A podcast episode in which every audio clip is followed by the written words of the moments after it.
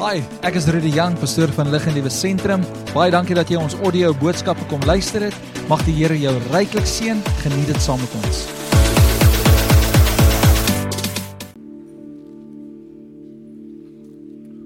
Ons is um besig met 'n uh, 'n reeks, maar eintlik is dit nie 'n reeks nie. Ons is eintlik besig in 'n proses. En soms is dit um moeilik om almal op dieselfde bladsy te kry. It's the same page. In die gees. Die waarheid is sê in Handelinge het dit 50 dae gevat om almal in die bo vertrek op dieselfde bladsy te kry. En dit is belangrik dat ons in ons dat ons as 'n gemeente en as gelowiges en as 'n waar ons saam is dat ons op dieselfde bladsy sal. Die bladsy waar ek glo God ons wil hê is waar ons hierdie diep begeerte sal hê. En, en soms is daai begeerte sterk, sterker en ander kere moet ons eerlik wees, daai begeerte is nie so sterk nie. En dit is hierdie diep begeerte om 'n liefdesverhouding met Jesus te wees. Dit is een van die ehm um, goed wat ons ook lees in Openbaring van een van die gemeentes wat hy aanspreek, iets wat hy teen hulle het. Hy het gesê julle het julle eerste liefde verlaat. Ehm um, nie verruil nie. Daar's 'n verskil. En ek dink dit is belangrik as ons kyk na die eindtyd kerk of die tyd waarin ons leef, het ons al die glits, ons het al die ligte, ons het ons het al die rykdom en welvaart in baie gemeentes.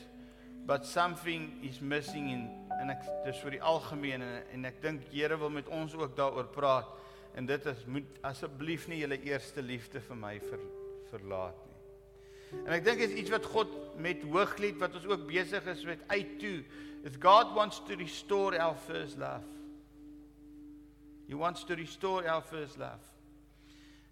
Elke individu hierso het nodig om weer te kyk in die spieël ek self ingesluit en sê waar is my eerste liefde vir Jesus? Is hy die belangrikste? Is hy alles vir my? Nou as ons daai vraag vol antwoord moet ons eers dink aan wat het hy vir ons gedoen? Want die Bybel sê dit baie duidelik, hy het ons eerste lief gehad. Nou hier's die hier's die ding. Jesus se liefde vir ons en God die Vader, God se liefde vir ons was absoluut radikaal. As ek sê Jesus se liefde is radikaal, wil ek dit so vir jou verduidelik. Jesus het nog nooit getwyfel nadat hy vir ons gesterf het of hy die regte ding gedoen het nie. Hy het nooit 'n tweede nie hy of, of God die Vader of God die Seun of God die Heilige Gees het ooit nadat Jesus gesterf het, ooit gewonder, het ek die regte ding gedoen? Ek wil ek wil hê dat julle eers moet besef die die radikale liefde wat God geopenbaar het teenoor die mensdom. Alvorens jy radikaal vir hom kan lief wil of wil wees of die begeerte om radikaal lief te wees vir God begin dit om te besef hoe radikaal hoe hy buite buitengewoon lief is vir jou. Of ongewoon. Sien ons het nie 'n begrip nie. Ons gebruik woorde maar woorde is is arm. Want as ek die woord gebruik agape. Nou agape is die is die woord van vir God se liefde vir ons. In die Afrikaans die woord dis die Griekse woord vir goddelike liefde. En wat se liefde gemaak het dat Jesus gesterf het aan die kruis van Golgotha, was dit agape. Maar agape wat wat in Afrikaans vertaal word as onvoorwaardelike liefde. En net die konsep van onvoorwaardelik lief te wees vir jou en vir my. Hoe kan God my onvoorwaardelik lief hê? Hoe kan God jou onvoorwaardelik lief hê? Hy agape jou en my. Nou ek sukkel met die konsep. Ek verstaan die ek verstaan die woordeskat. Ek ek het begrip van die woordeskat van as ek sê agape, dit is onvoorwaardelik. Ek ek weet wat dit beteken, maar ek weet nie regtig wat dit beteken nie. Want die waarheid is, die ewigheid sal vir ons eendag sê wat is agape.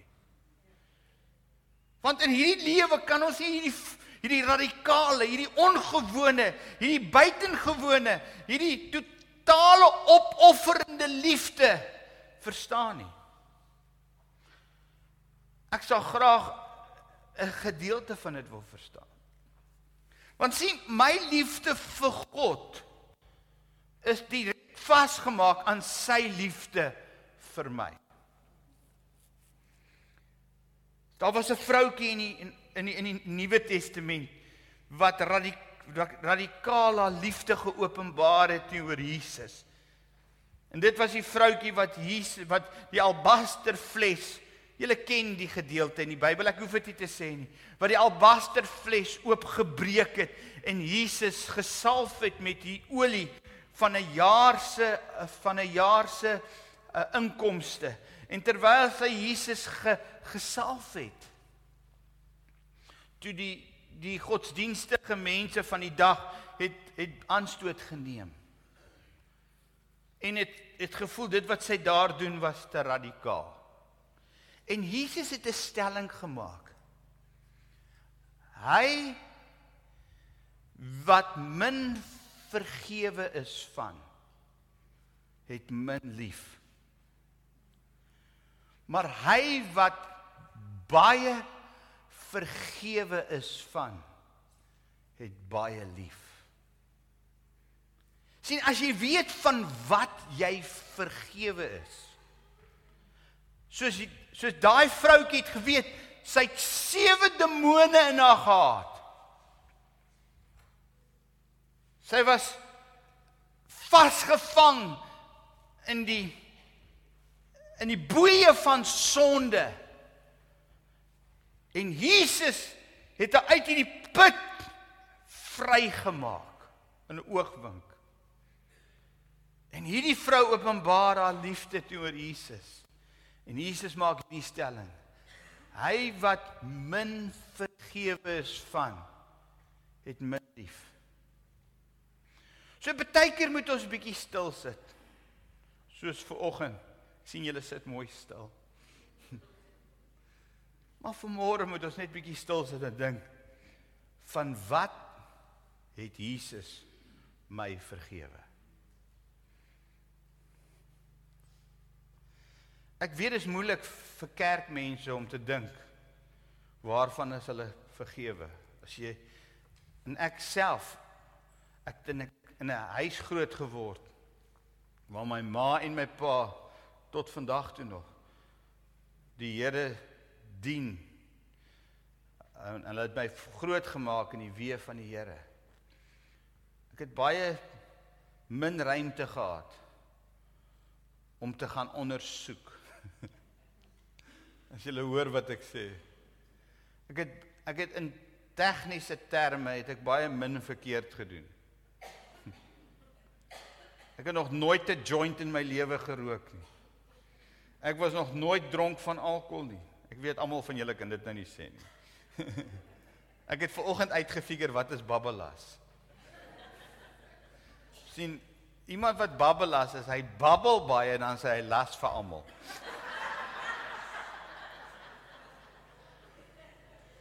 Nou ek babbel baie sonder om 'n las te wees. so dis babbelas. maar in my eie lewe het ek baie verkeerde dinge gedoen nie. So dit was baie moeilik vir my om te besef van wat het God my vergewe. So ek moes 'n openbaring kry van God van hoe sleg ek regtig is. En ek wil vir julle sê voor wedergeboorte was ek darem maar sleg. Ek was vrot. Ek was op dood. Ek was sondig. Ek was 'n sondige vuil mens. So as ons praat van God se liefde en ons wil daai eerste liefde herstel, moet ons eers besef waarvan is ons werklik waar vergewe. En dit wat Inanda ook gesê het, waarvan is elkeen van ons vergewe? En dit sal veroorsaak dat jy dankbaar is. Nou hier is die verskil. Kan ek vir julle die verskil gee? Daar is so iets soos tydelike waarde en daar's iets soos ewigheidswaarde. Maar kom ons praat van die, die tydelike. Die tydelike, jy kry wat ons noem menslike wysheid. En dit wat menslike wysheid kan doen, menslike wysheid kan vir jou 'n goeie bestaan hier op aarde gee. Kom ek verduidelik dit. As jy goed met jou gesondheid werk. Miskien nie soos ek nie. As jy reg eet, drink baie water, eet min, doen oefening. Wie weet, dan is jy wys hier. As jy goed met jou geld werk, leef binnekant jou begroting. Span uh, invest van 'n vroeë ouderdom by die regte plekke. Koop goed wat wat kan groei soos huise en dinge, jy weet. Dis menslike wysheid, seker reg? God kan ook vir jou daai wysheid gee. Maar as jy maar die wêreld die die wêreld they apply that wisdom. It's earthly wisdom. And earthly wisdom is given to you to give you a better life on earth. Nou die rede hoekom die wêreld menslike of aardse wysheid uh toepas is sodat hulle langer op aarde kan lewe. My best life now. Maak dit sin? Maar dit wat ek nou verduidelik het, het geen ewigheidswaarde nie. Daar was 'n 'n man in die Bybel, 'n ryk man. Hy het skure gebou, sê die Bybel. Soos wat hy al sy welvaart bymekaar gemaak het en dan kom 'n dag toe kon hy sy baadjie toemaak, nie soos ek nie.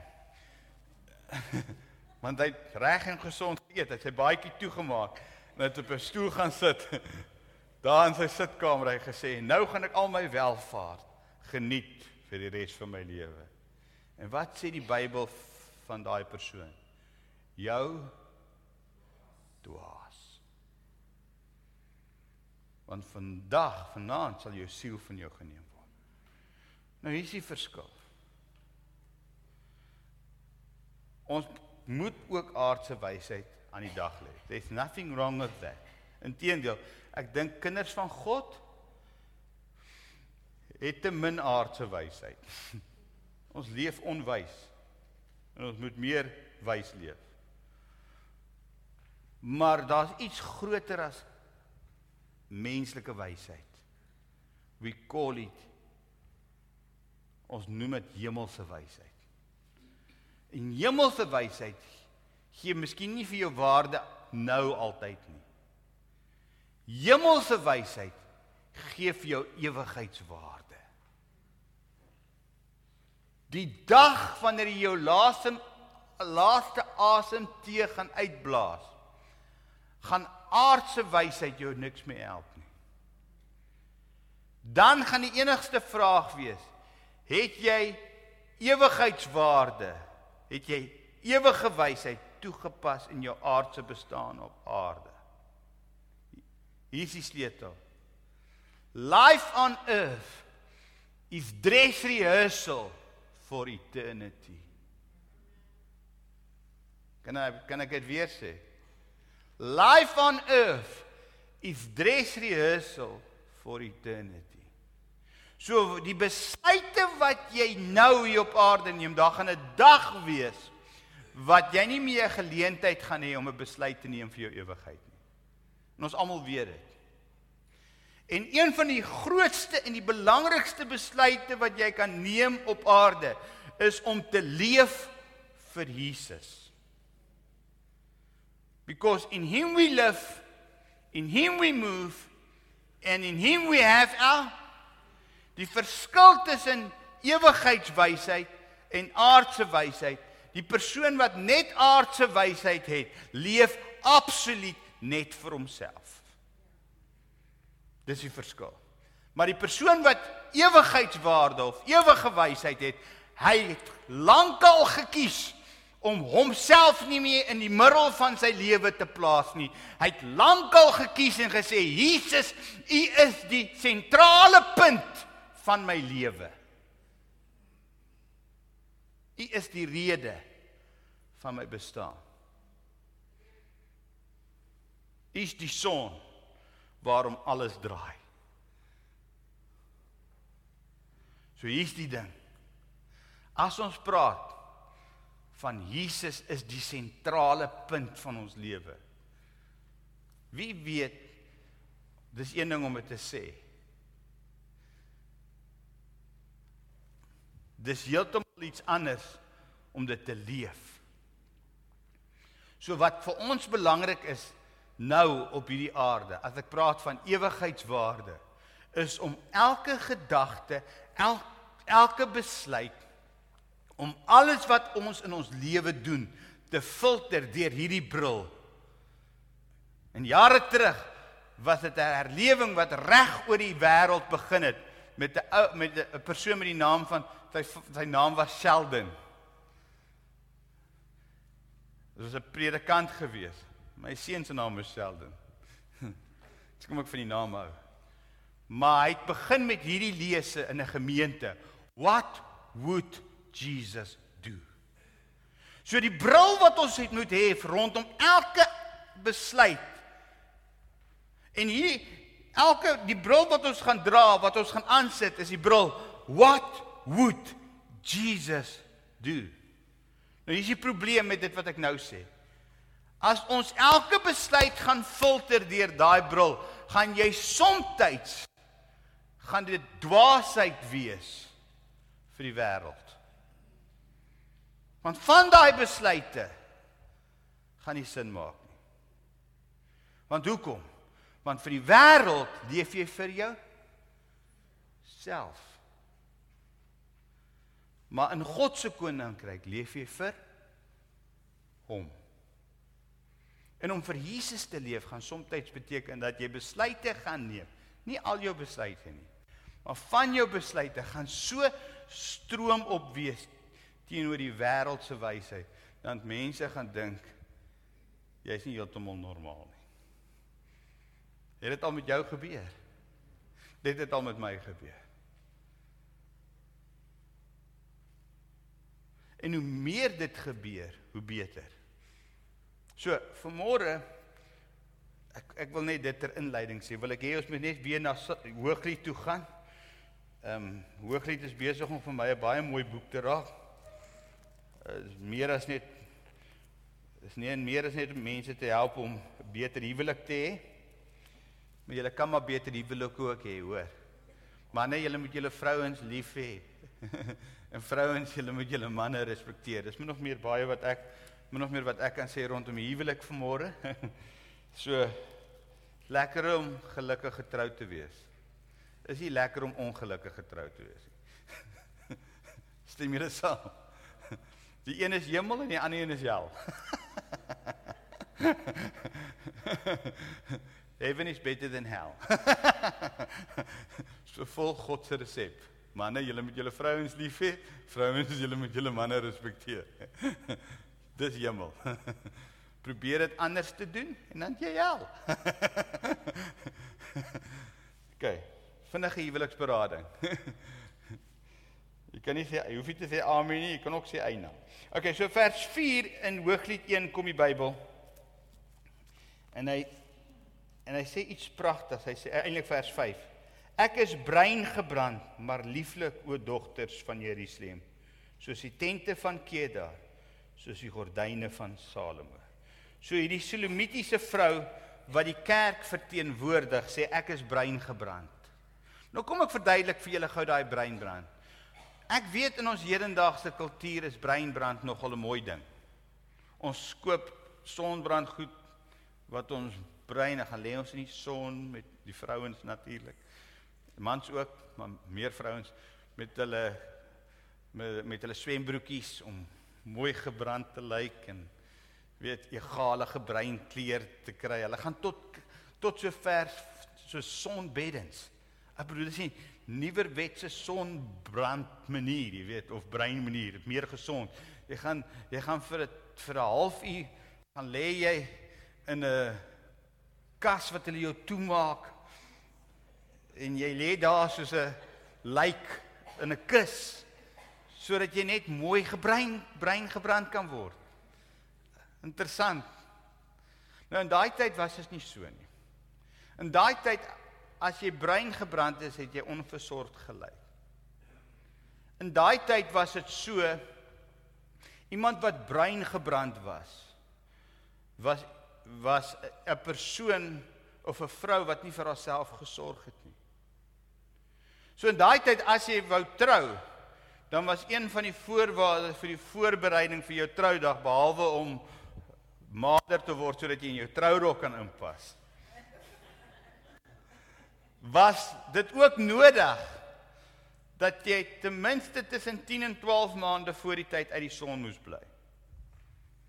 So hulle het hulle het hulle self vermy van enige aktiwiteit. So so so 'n bruid of 'n voor of 'n bruid 'n bruid wat 'n bruid sou word.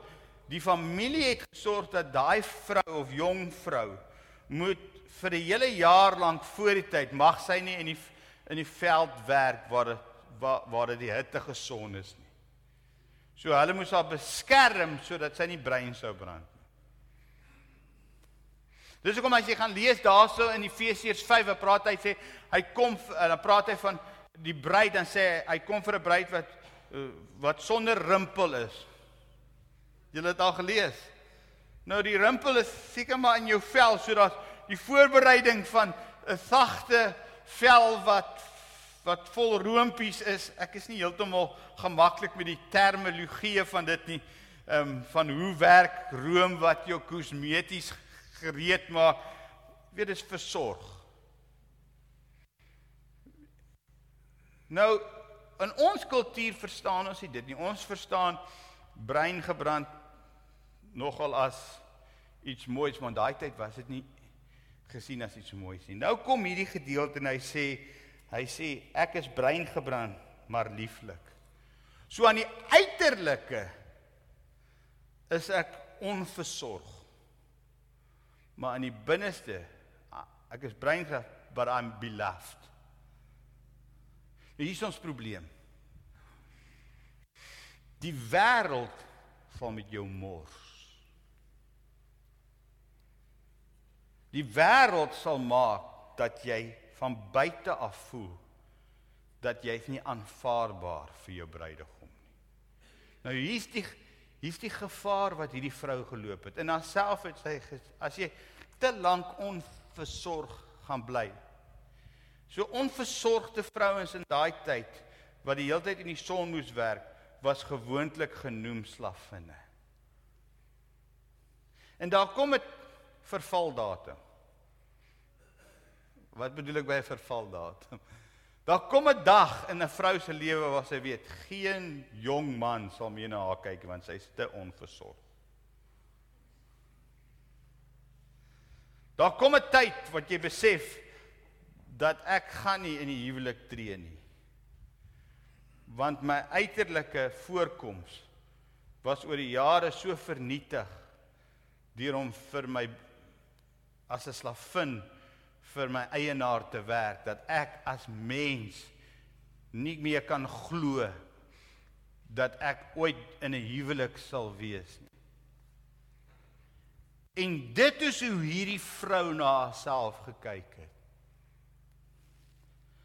Nou kom ek vat 'n trek deur na my en jou. Toe ons in die wêreld was, kon ons ook nie glo dat Jesus na ons sal kyk. Hoe weet ek dit? Want hy hy het ons eers na hom toe getrek. Toe jy tot wedergeboorte gekom het of dit was deur iemand wat met jou getuig het of persoonlik getuig het of dit was deur 'n boodskap wat iemand gebring het van 'n kansel af soos vanmôre was daar 'n oomblik geweet waar God jou gedrink getrek het met sy die Bybel sê met bande van liefde.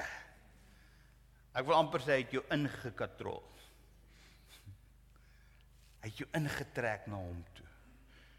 Hy het jou gedagtes begin oopmaak dat hy vir jou sê, hoorie, ek het jou lief agape jou. Kan jy onthou toe dit gebeur het? En toe het jy jou hart begin oopmaak vir hom en gesê ek sal U aanneem as my verlosser en my en my saligmaker en in daai oomblik het hy jou gees gewederbaar. En jy tot wedergeboorte gekom. Met wie dit al gebeur? Wie weet 'n kerkgenootskap kan jou nie wedergeboorte gee nie. Ek kan jou nie wedergebore maak nie. Maar ek weet God deur sy gees kan die onverganklike saad in jou geestelike baarmoeder kan laat hoe kan ek sê ontbevrug word en in daai oomblik van jou geestelike baarmoeder wat dit bevrug word. En elke mens in hierdie plek het 'n geestelike baarmoeder.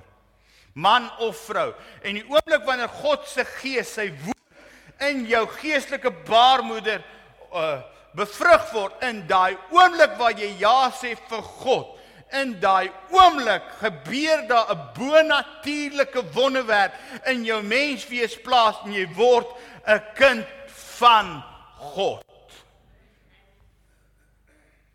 the greatest miracle ever. Om te sê ek's 'n kind van God en vir die eerste keer in jou lewe raak jy bewus van sy liefde vir jou.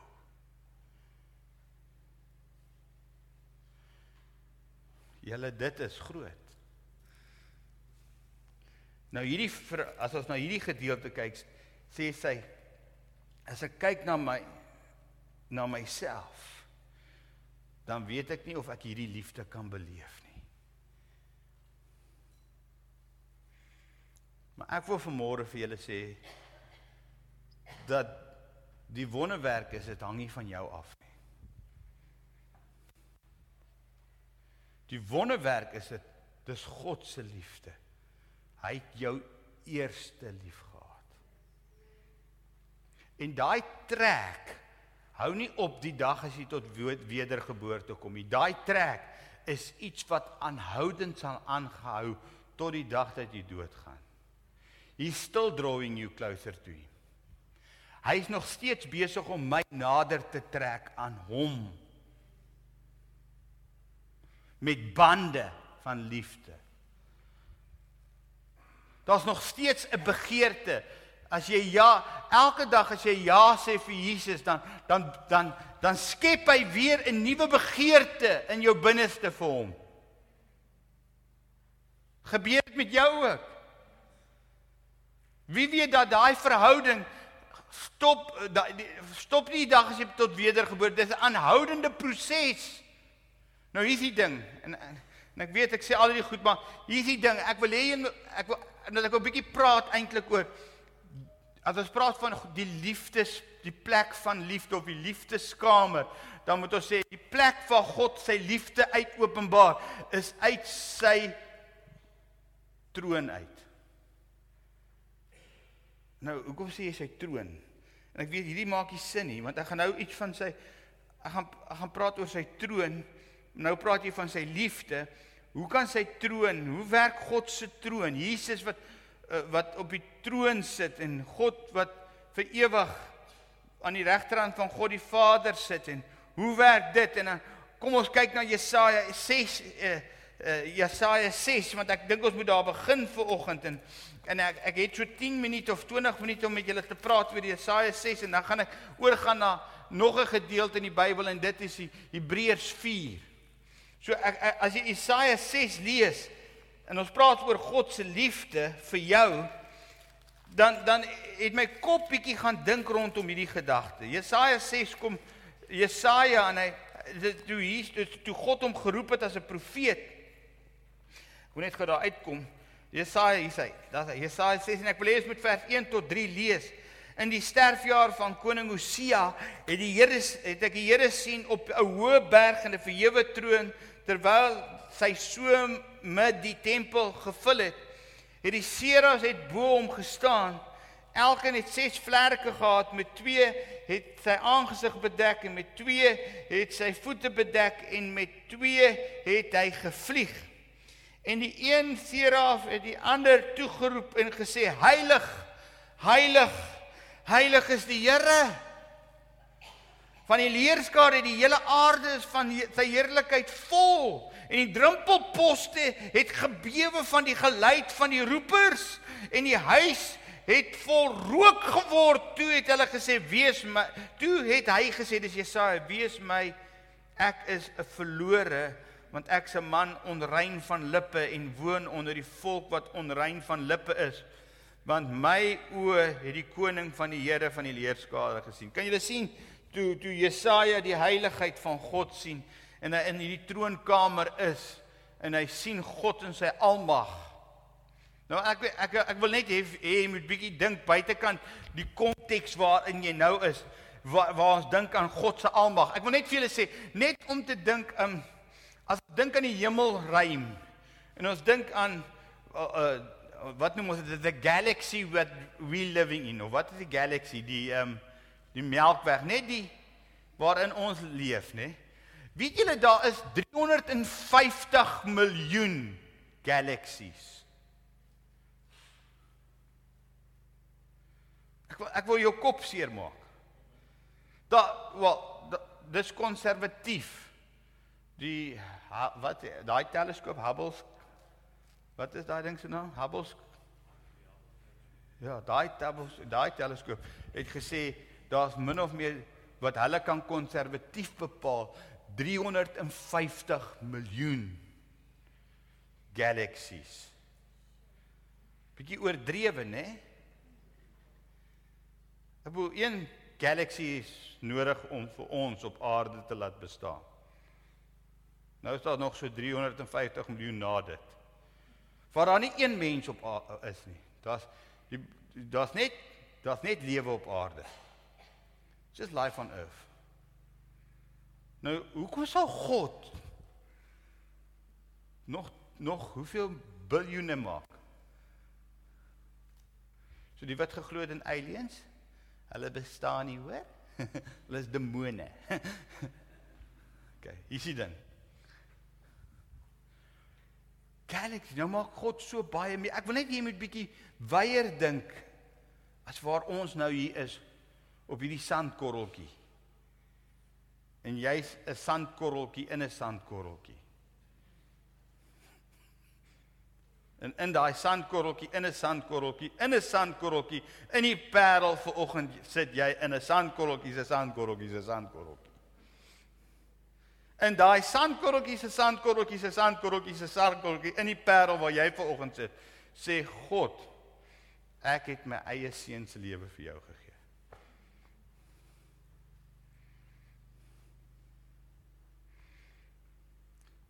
So ek het nou uitgezoom en het ek ingezoom. Nou as ek gaan uitzoom, gaan jou verstand. Jy weet as jy uitzoom met 'n kamera dan begin alles te blur. Jy laat gesien dan moet jy weer terugzoom dat ons net 'n prentjie kan kry. Nou God kan jou nie kan jou nie vat en jou uitzoom in sy wêreld in nie, want dan gaan alles vir jou blur. Maak dit sin? Nou hier is die ding. As jy verstaan die grootheid van God, net 'n bietjie van dit wat ek nou vertel. Jesaja was in dit ingeruk. Boem. Hy's in hier's in God se troonkamer in. En hoor wat sê hy? Toe in God se troon kom, hy sien hierdie sera's wat uitroep heilig. Onthou dis die Skepper God wat sê laat daar lig wees, boem, daar is dit. Dis nie 'n triek nie. Dis regtig so. Hy skep. As hy sê boem, daar is dit. Boom, then it happened again. Jy lê mos al liedjie. Boom. Jy laai liedjie al gehoor. Boom boom. Daar doen God dit alweer. Hy kan homself nie help nie. Hy sê boom boom boom boom boom.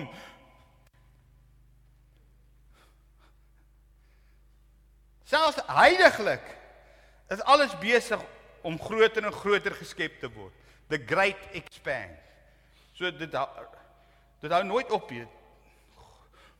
Sien toe God begin skep het, het hy nog nooit opgehou skep nie. Hy kan nie help as om nie te skep nie.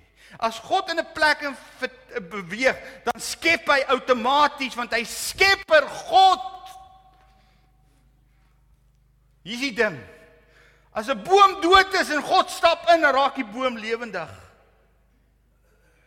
He brings life wherever he goes. Waar ook al God gaan, is daar lewe. Daar's lewe. Hy is lewe. So niks kan dood wees waar hy is nie. In klein Jesaja, klein Jesaja, sandkorreltjie Jesaja is ingetrek bietjie in daai wêreld in ons noem dit die troonkamer. Kom ons lees weer. sien julle die prentjie? Kom ons lees weer. Vers vers 2. Jesaja 6. Seras het bo hom gestaan. Elkeen het 6 vlerke gehad. Met 2 het het hulle aangesig bedek, met 2 het die voete bedek, met 2 het hulle gevlieg en die een het die ander een geroep en gesê: "Heilig! Heilig! Heilig is Here!" Nou ek weet nie hoekom het hulle gesê heilig nie, maar ek dink is elke keer as hulle iets van God sien wat hy skep of wat hy is, Baie sê dan roep hulle uit heilig. Ek weet nie maar hulle was die die die, die seeras was ver be, oor verwonderd oor God se heiligheid. Die hele aarde is vol van sy heerlikheid. Hulle sien, hulle sien alles. Kan julle sien dit sê dit is 'n uh, dit is 'n atmosfeer wat iets energize. Dit is geelektrifiseer. Julle al in 'n plek gekom waar God hier op aarde die atmosfeer el elektrifiserend maak of aansteeklik maak en almal voel te tasbaar. God is in ons midde. Jy laat al dit beleef waar jy bang is om te praat, waar jy stadig wil loop. Wie was al daar? Nou dit is bietjie erger hierdie dag, hoor. Nou hoor wat sê die Bybel en die drempelposte het gebewe van die geluid van die roepers en die huis het vol rook geword. Ek ek verstaan nie eens wat daar staan nie. Ek het nie eens 'n konsep in my brein nie. Ek ek weet iets het gebewe en ek weet daar was rook van God se heerlikheid. Maar hoor wat sê die toe het ek gesê. Dit was die reaksie van klein sandkorreltjie Jesaja. Onthou sandkorreltjie in 'n sandkorreltjie in 'n sandkorreltjie in die parel. Dis jy. Toe het ek gesê, "Wie my ek is verlore." Dis 'n interessante ding. Wanneer jy God in sy grootheid beleef, dan besef jy in hierdie oomblik Daar's nie eintlik veel wat ek kan bring na hierdie verhouding toe nie. There's not something that I can give to this Daar's nie iets wat ek kan gee vir hierdie verhouding wat hierdie verhouding kan verbeter nie. Hierdie is 'n absolute eensidedige verhouding. Hy het alles, ek het niks. Ek is verlore. In die, in hierdie grootheid. En dan sê hy, hy maak, hy sê in hierdie grootheid, hy sê maak 'n stelling, hy sê want ek is 'n man onrein van lippe en woon onder die volk wat onrein van lippe is. Want my oë het die koning die Here van die leerskare gesien. Wat het hy dadelik gevoel toe hy in hierdie grootheid kom? Onrein. Dit is goed om onrein te voel soms. Wanneer jy onrein voel in God se heiligheid, is dit goed. Wanneer die duiwel jou laat onrein voel en jy is nie eens onrein nie, dan is dit sleg. Maar die oomblik toe in hierdie heiligheid kom, toe beleef hy sy beperking.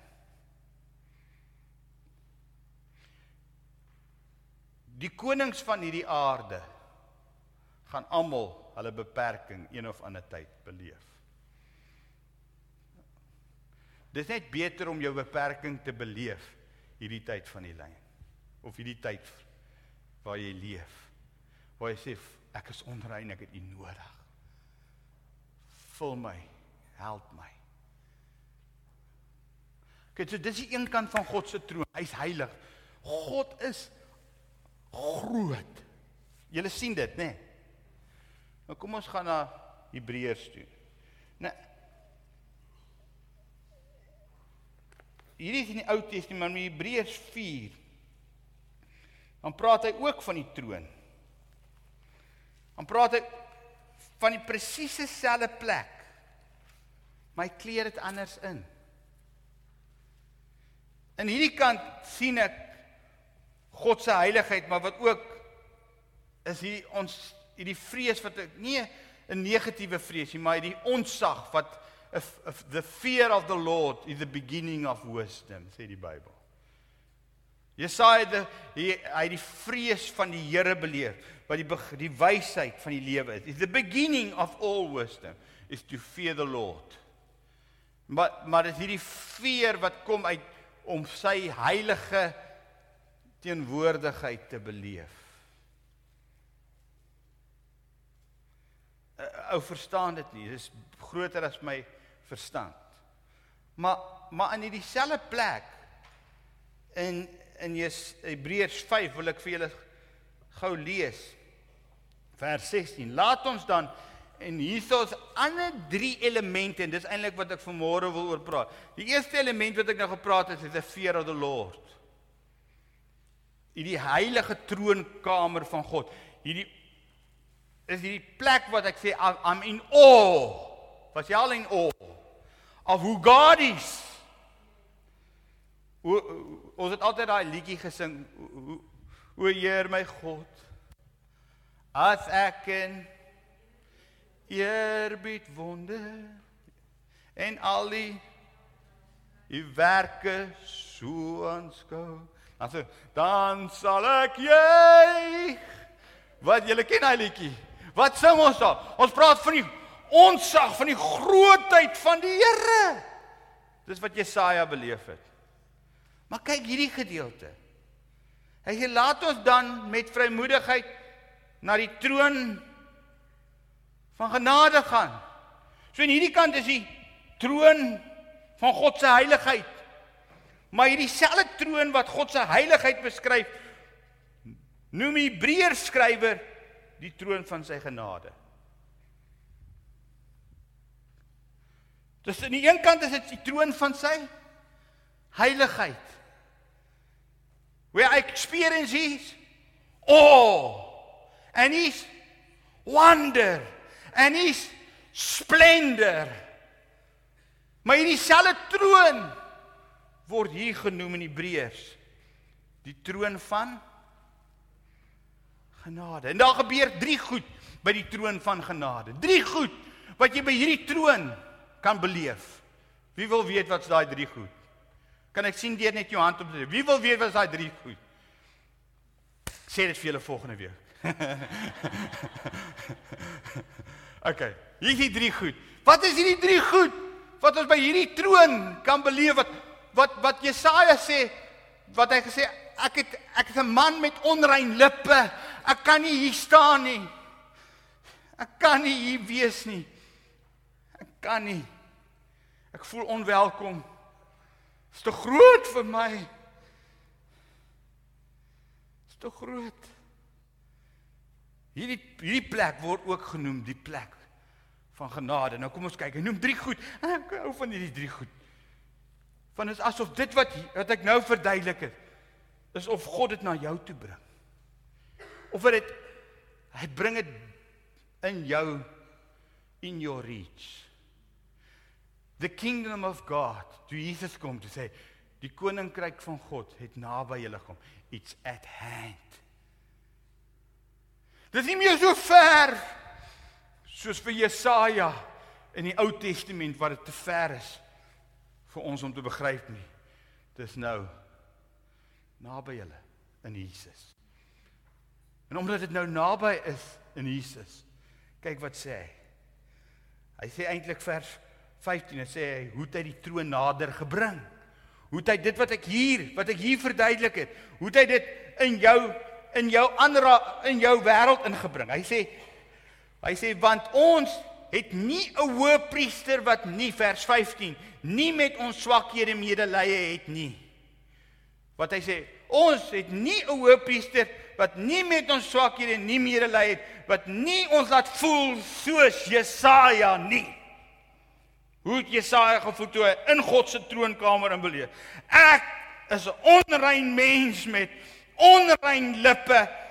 Ek voel onwelkom hier, ek voel onwaardig hier, ek voel ek kan nie hier bly nie. Dis buitekant my wêreld.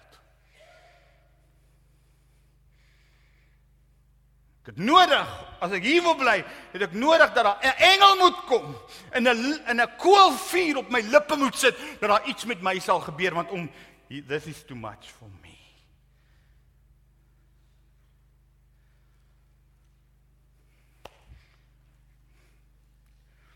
Bybel sê want ons het nie 'n hoëpriester wat nie met ons swakhede medelee kan hê nie. Maar een wat in alle opsigte versoek is net soos ons sê saam met my maar sonder sonde. Sê dit hardop. Maak 'n groot verskil dat ons 'n hoëpriester het wat sonder sonde is. Dit maak die verskil want omdat hy geen sonde het nie. Daarom in sy oë in God die Vader se oë het jy ook geen sonde nie. Wat het hy net gesê? The debt is cancelled. I've got in the eyes of God as a born again believer I got no sin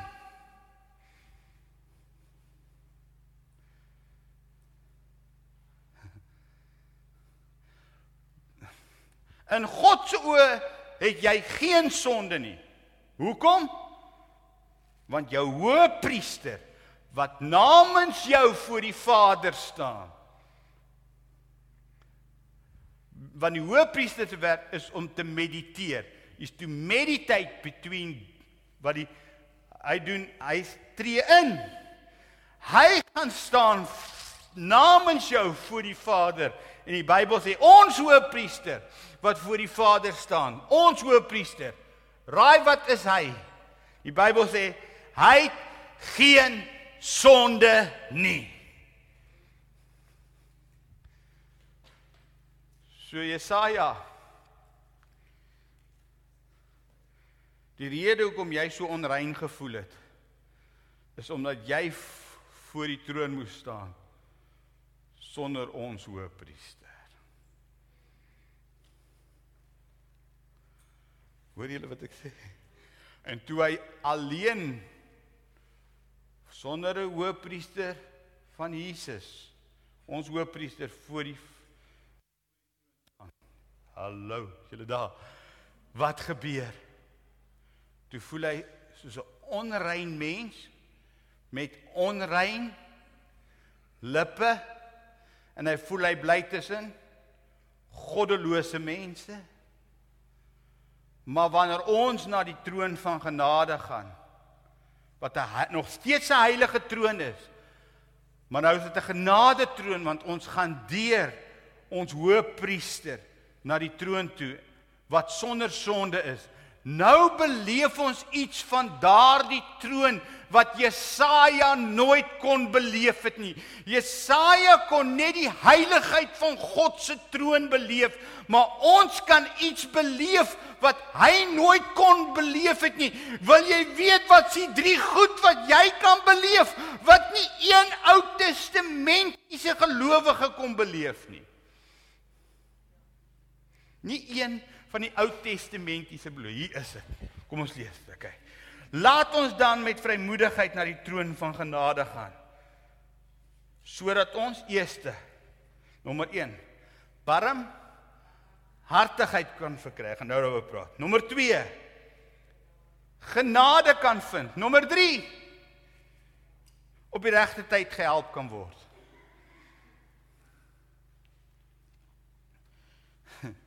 Miskien maak daai drie goed nie nou vir jou baie sin nie. Maar ek ek wil dit net sê. Nommer 1. Barmhartigheid kan vind. Kom ons praat oor barmhartigheid. Wat is die woord barmhartigheid? Barmhartigheid is die woord mercy. Mercy. We go to the mercy seat. Nou barmhartigheid is soos volg gedefinieer. Dit wat ek wel verdien, kry ek nie. Kan ek dit weer sê? Mercy. Dit wat ek wel verdien, kry ek nie. Kyk, wat het elke enkele persoon, ek ingesluit, in hierdie gebou verdien? Die dood, is ek reg? Ewige dood, ewige hel, ewige skeiding van God. Is ek reg? Elkeen in hierdie gebou het dit verdien. Barmhartigheid sê by die troon van genade wat ook die troon van heiligheid is, sê gaan jy barmhartigheid vind. Wie het al barmhartigheid gevind? Dit wat jy nie verdien nie of dit wat jy wel verdien kry jy nie. You receive mercy at the mercy seat. Daar was 'n pelgrim, Katolieke pelgrim wat gesê het, "Lord, teach me how to pray continually 24/7." En hy het 'n gebed gebid. Die Bybel sê of nie die Bybel, sy boek sê, sy lewensboek sê dat hy laterand het hy eelte op sy knieë gebid en hy het die volgende gebed gebid en naderhand het uit sy lewe wonderwerke uitgevloei. Hy het met mense gepraat en hulle dadelik begin verander. Net waar hy geloop het in dorpe het mense se lewens verander. En al wat hy die hele tyd geleer het om te bid is Lord Jesus, have mercy on me. He continued prayed one prayer like a parrot, soos 'n soos 'n soos 'n herhaling papegaai. Hy het al wat hy gebid het, Lord Jesus, have mercy on me. Lord Jesus, have mercy on me. En en toe die penny drop dat jy God se barmhartigheid nodig. Elke mens het God se barmhartigheid elke dag nodig. Toe daai penny 100% drop, toe kon dit nie anders vir God om wonderwerke rondom hom te doen nie. So jy moet barmhartigheid vind. Die Bybel sê gaan na die troon van genade waar jy barmhartigheid is iets wat jy moet vind. So elke mens wat hemel toe moet gaan of wil gaan, moet barmhartigheid. Wat is die tweede ding wat ons by hierdie troon kry? Onthou Jesaja kon nooit barmhartigheid vind nie want dit was voor Jesus gesterf het. Interessant. Maar ons weet dat hulle het ge, gesterf onder die wet, maar toe Jesus, die wat onder die wet gesterf het, het Jesus die wet kom vervul. So die wat onder die wet was wat jaarliks was sonde bedek deur 'n lammetjie maar dit kon dit nooit wegvat nie. Ons weet hoe Jesus opgestaan het, het hulle saam met hom gegaan. But they never hulle kon nooit in die Ou Testament wedergebore word nie. Dit sin? Want ek weet iemand gaan daai vraag vra. Tweede een. Nommer 2. Barmhartigheid kan verkry en genade kan vind. Nou hierso, kan jy sê, so hierso is die ding. Die eerste ding is barmhartigheid, wat is die tweede ene? Genade.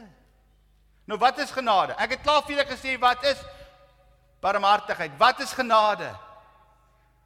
Genade is die volgende onverdiende guns. So barmhartigheid sê dit wat ek nie verdien nie, dit het ek ge gekry. Wat is dit? Lewe. Genade sê dit wat ek of dit wat ek nie ver, of ek het die dood verdien. Barmhartigheid sê ek het die dood verdien, maar ek het dit nie gekry nie. Genade sê dit wat ek nie verdien nie, dit kry ek. Ons noem dit on genade is onverdiende guns. But mercy is not the same as grace. Al al sê die Bybel is die troon van genade, moet jy weet dat genade is nie dieselfde as barmhartigheid nie. Onverdiende guns. Nou wat's onverdiende guns? Kan ek 'n paar goed sê van onverdiende guns? Die feit dat jy vermoere kan asemhaal.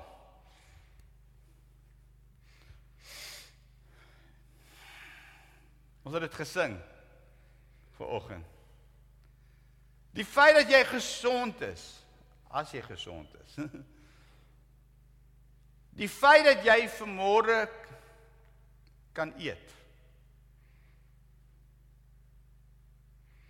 Die feit dat jy vermoere in 'n lewe kan leef waar jy lief is vir jou familie en jou familie is lief vir jou. Daar's soveel goed wat ek kan sê is guns.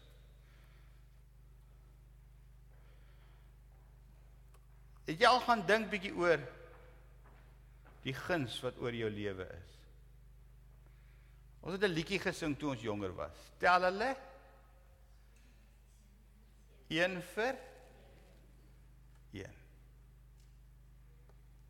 So die tweede ding wat jy by die troon gaan kry is genade, guns.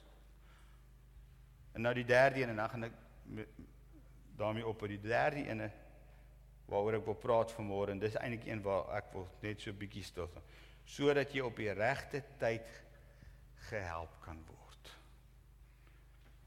OK, laat ek afkom. Sodat jy op die regte tyd gehelp kan word. Wanneer is die regte tyd om gehelp te word? vra ek vra die vraag. Dis so hy sê hy het met ons swakhede medelee want hy was in alle opsigte net soos ons versoek maar net sonder sonde. So hy medelee om medelee te hê beteken hy jy kan net medelee hê as jy saam al gelei het. Simpatie is nie dieselfde as medelee nie. Simpatie sê ek kry jou jammer maar ek het nie 'n klou waartoe jy gaan nie.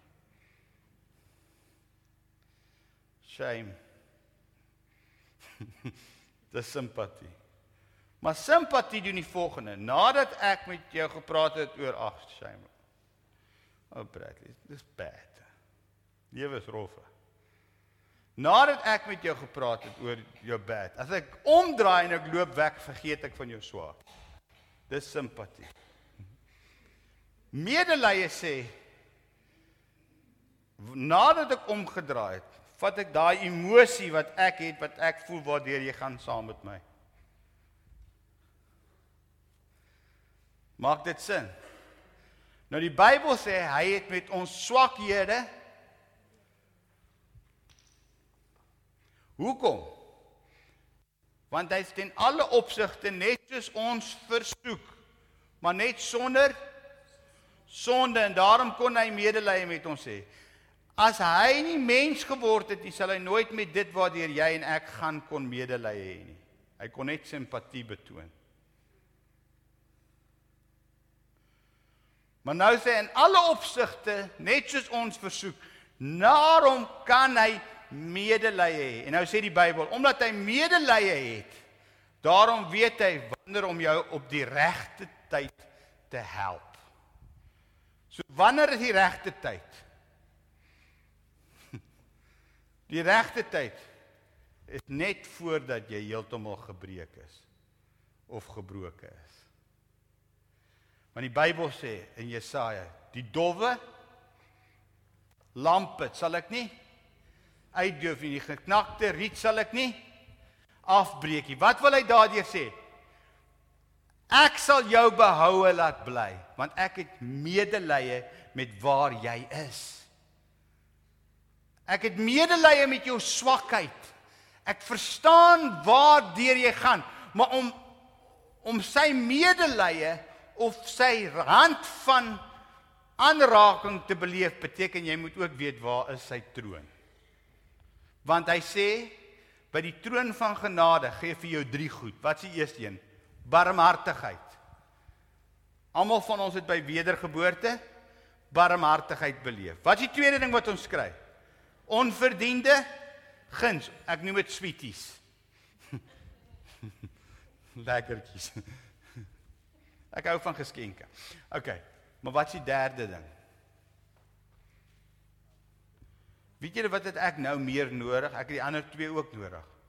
Maar ek het nou by die troon van genade meer as om God se heiligheid te besef en ja, ek moet sy heiligheid besef, het ek nou sy medelee nodig. Want in sy medelee sal hy op die regte tyd help. Nie die verkeerde tyd nie. In die tyd wat jy dit nodig het. In die week wat jy rou.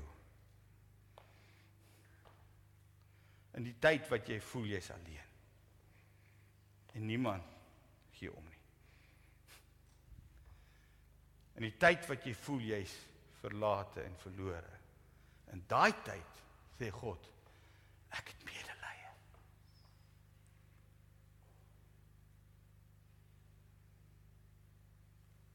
En hier's mense wat hier sit vanmôre by die aanhoor van hierdie boodskap wat moet hoor jy aanbid 'n God wat medelee het met jou.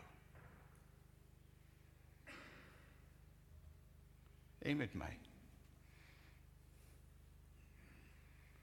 Ek het sy medelee nodig. Het jy sy medelee nodig?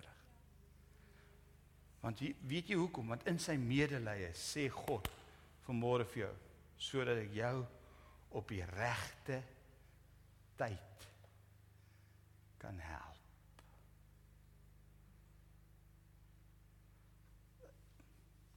So Jesaja Jy kon net sy heiligheid beleef. Jy kon net beleef hoe Seraf uitroep heilig heilig en hoe jy neerval voor sy aangesig en voel hoe jy onrein is. Jesaja, ons kan iets beleef in sy troon wat jy nie kon beleef nie. En wat is dit?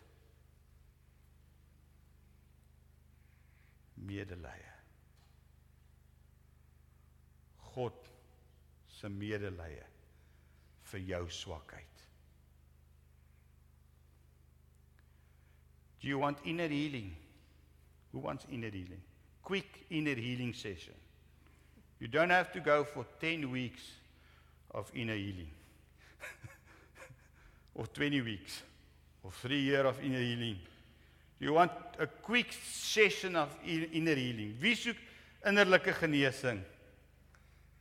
Van goed wat jy nie van ontslaak kan raak van die verlede nie. Wie soek dit? Hier's dit. Hier is die sleutel. Jesus het medelee met jou swakheid.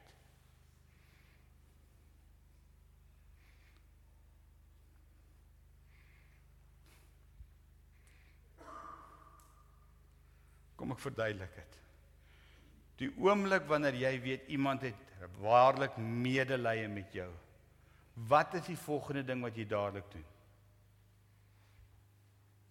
Jy haal jou masker af. As jy veilig voel by iemand wat regtig medelee met jou het, wat doen jy? Jy ontbloot jouself.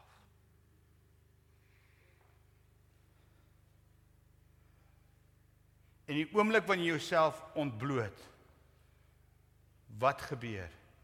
Die God wat met jou swakhede medelee het, jy gee hom dan 'n geleentheid om genesing te bring in daai area waar jy seer is.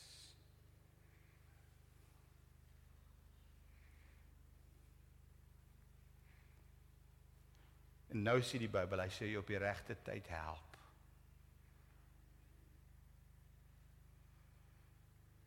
Die regte tyd is wanneer jy verstaan hy het medelee met waardeur jy gaan. En die oomblik wanneer jy jou hart oopmaak vir die God wat medelee het, wat in alle opsigte net soos jy versoek is, net sonder sonde. Die oomblik wanneer jy verstaan, hy verstaan, hy verstaan waardeur jy gaan. Hy hoor my, hy verstaan alles. Hy verstaan elke oomblik waardeur jy gaan. Die oomblik wanneer jy weet hy verstaan jou swakheid. As jy weet hy verstaan jou tekort. Daai oomblik wanneer jy dit weet dat hy verstaan. Wanneer jy weet hy is in jou bootjie. So hier's die probleem. Ons weet nie altyd hy's in ons bootjie nie. Hy verstaan jou bootjie. Hy verstaan. Hy verstaan. Hy hoor my.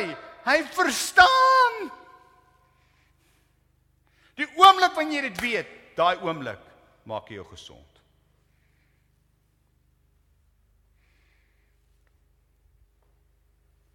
In that moment kan ek so 'n paar oomblikke vir jou uit die oomblik as jy verstaan, hy verstaan jou alleenheid. Die oomblik as jy verstaan, hy verstaan jou verwerping. Die oomblik as hy verstaan, hy verstaan jou siekte en jou pyn. Die oomblik as as jy verstaan, hy verstaan alles wat deur jy gaan. Elke enkele ding, elke enkele ding en jy kan hom uitnooi in alles van jou lewe in, in elke area waar jy voel ek het nie antwoorde nie. Ek weet nie wat om volgende te doen nie. Ek weet nie wat om volgende dit uh, waar gaan ek die volgende geld kry vir 'n brood nie. Ek ek weet nie. Hy verstaan.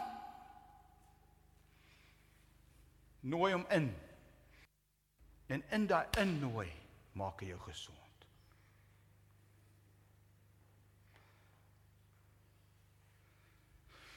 So vanmôre gaan ons na die troon van genade. Kan julle staan saam met my? Hy verstaan. So wat is die drie goed wat jy by die troon van genade gaan beleef? Barmhartigheid, genade maar meer as dit medelee.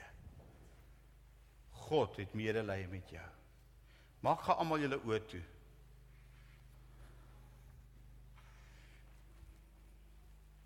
En ek weet almal is op verskillende plekke. Maar as jy vanmôre hier staan en jy sê môre ek het vanmôre nodig. Ek is swak. En ek het vanmôre nodig dat God om my met deur sy gees kom bedien in die plek van swakheid van medelee.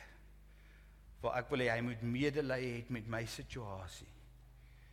Ek wil vanmôre hê jy moet net jou hand opsteek as 'n teken. Jy gaan nie vorentoe kom nie, jy gaan net saam met jou bid.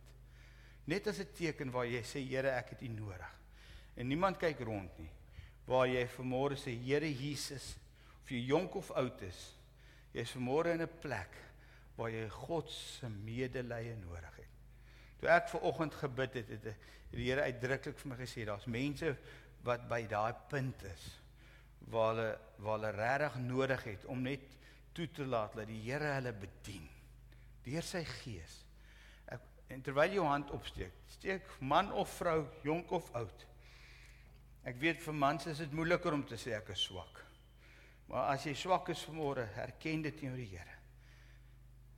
En ek ek kyk nie eens rond nie en ek sien hier mense se hande wat om opgaan, maar dis nie waaroor dit vir my gaan nie.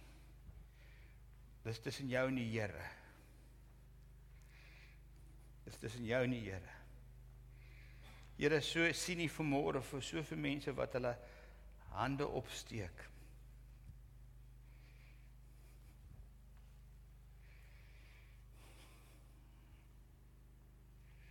En Here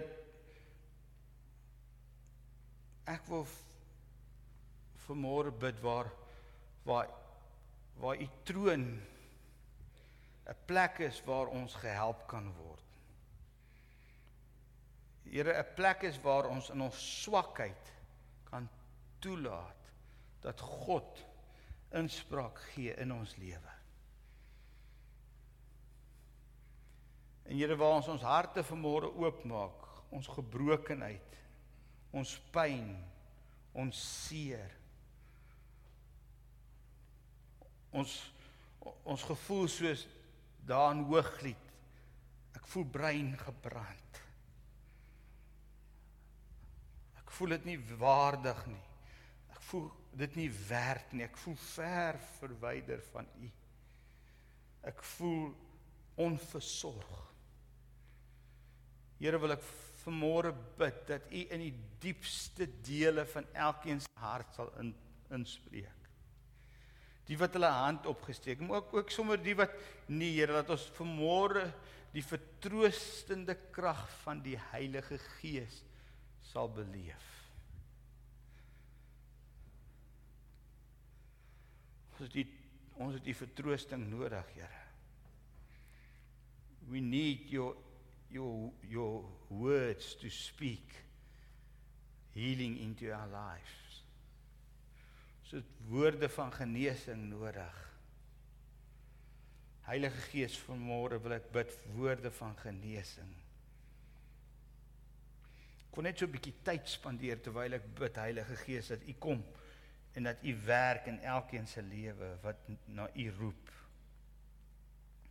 U ken elkeen se seer. U ken elkeen se pyn, u ken elkeen se lyding, u ken elkeen se smart. U ken elkeen wat sy hand opgesteek het en die ook wie se hande nie op het. U ken en u weet presies waar hulle gaan, Here.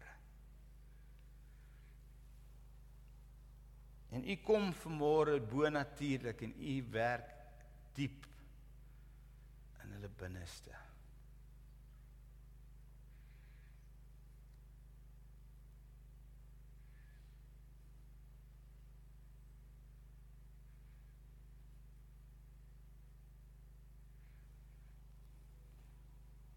Thank you, Holy Spirit.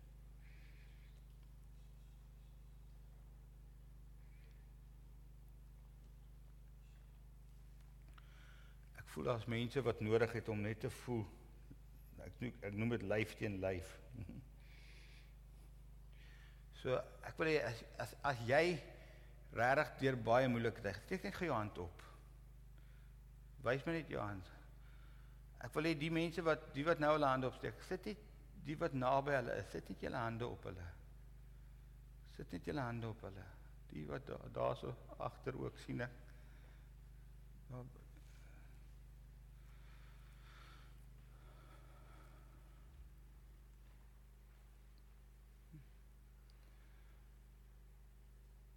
Is daar nog iemand daar agter wat sy hand opgesteek is? En ek kan ek weet die Heilige Gees nou besig om te bedien. Here, dankie. Thank you Holy Spirit. Dankie. As jy as jy wil hê net iemand moet net jou hand op jou kom lê. Steek net gou jou hand op ek. Ek wil nie ek wil hê ons almal wat regtig voel uit medelee, uit nodig dat iemand saam met hom bid. Partyke nodig dat vleis teen vleis. Hoe kan ek sê net iemand saam met jou. Dan gaan ek weer bid. Here Jesus, die wat wie nou hulle hand opgesteek het. Vader, ek wil nou vra dat u u liggaam die liggaam van Christus wat nou wat simbolies hande op lê. Here wil ek bid dat u genesing sal bring in hulle in hulle siele. U ken die smart en die pyn. U ken die seer. En soos hulle hulle hande opsteek, wil ek bid bedien hulle nou Heilige Gees. Just minister to them, Lord. Geef hulle innerlike genesing. Maak hulle heel. Here, ons laat toe dat die Heilige Gees nou kom en net bedien.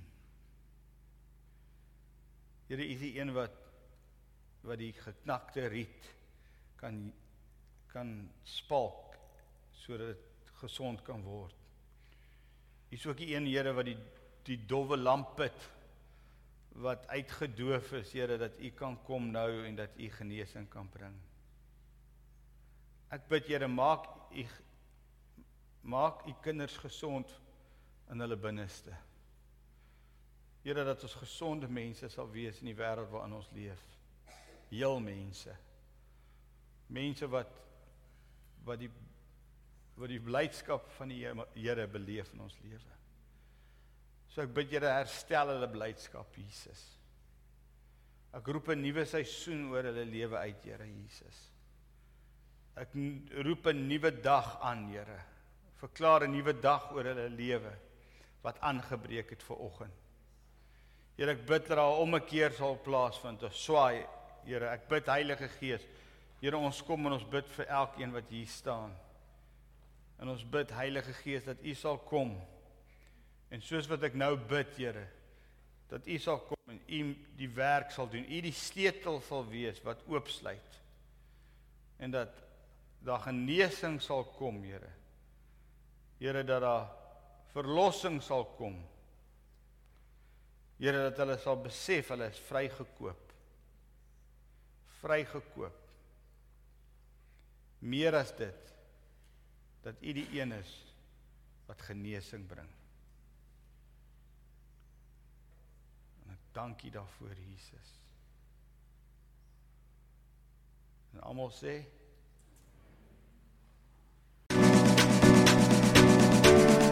Baie dankie dat jy ons audio boodskap geluister het. Mag die Here jou ryklik seën. Besoek gerus ons webwerf by www.liggenlewe.com.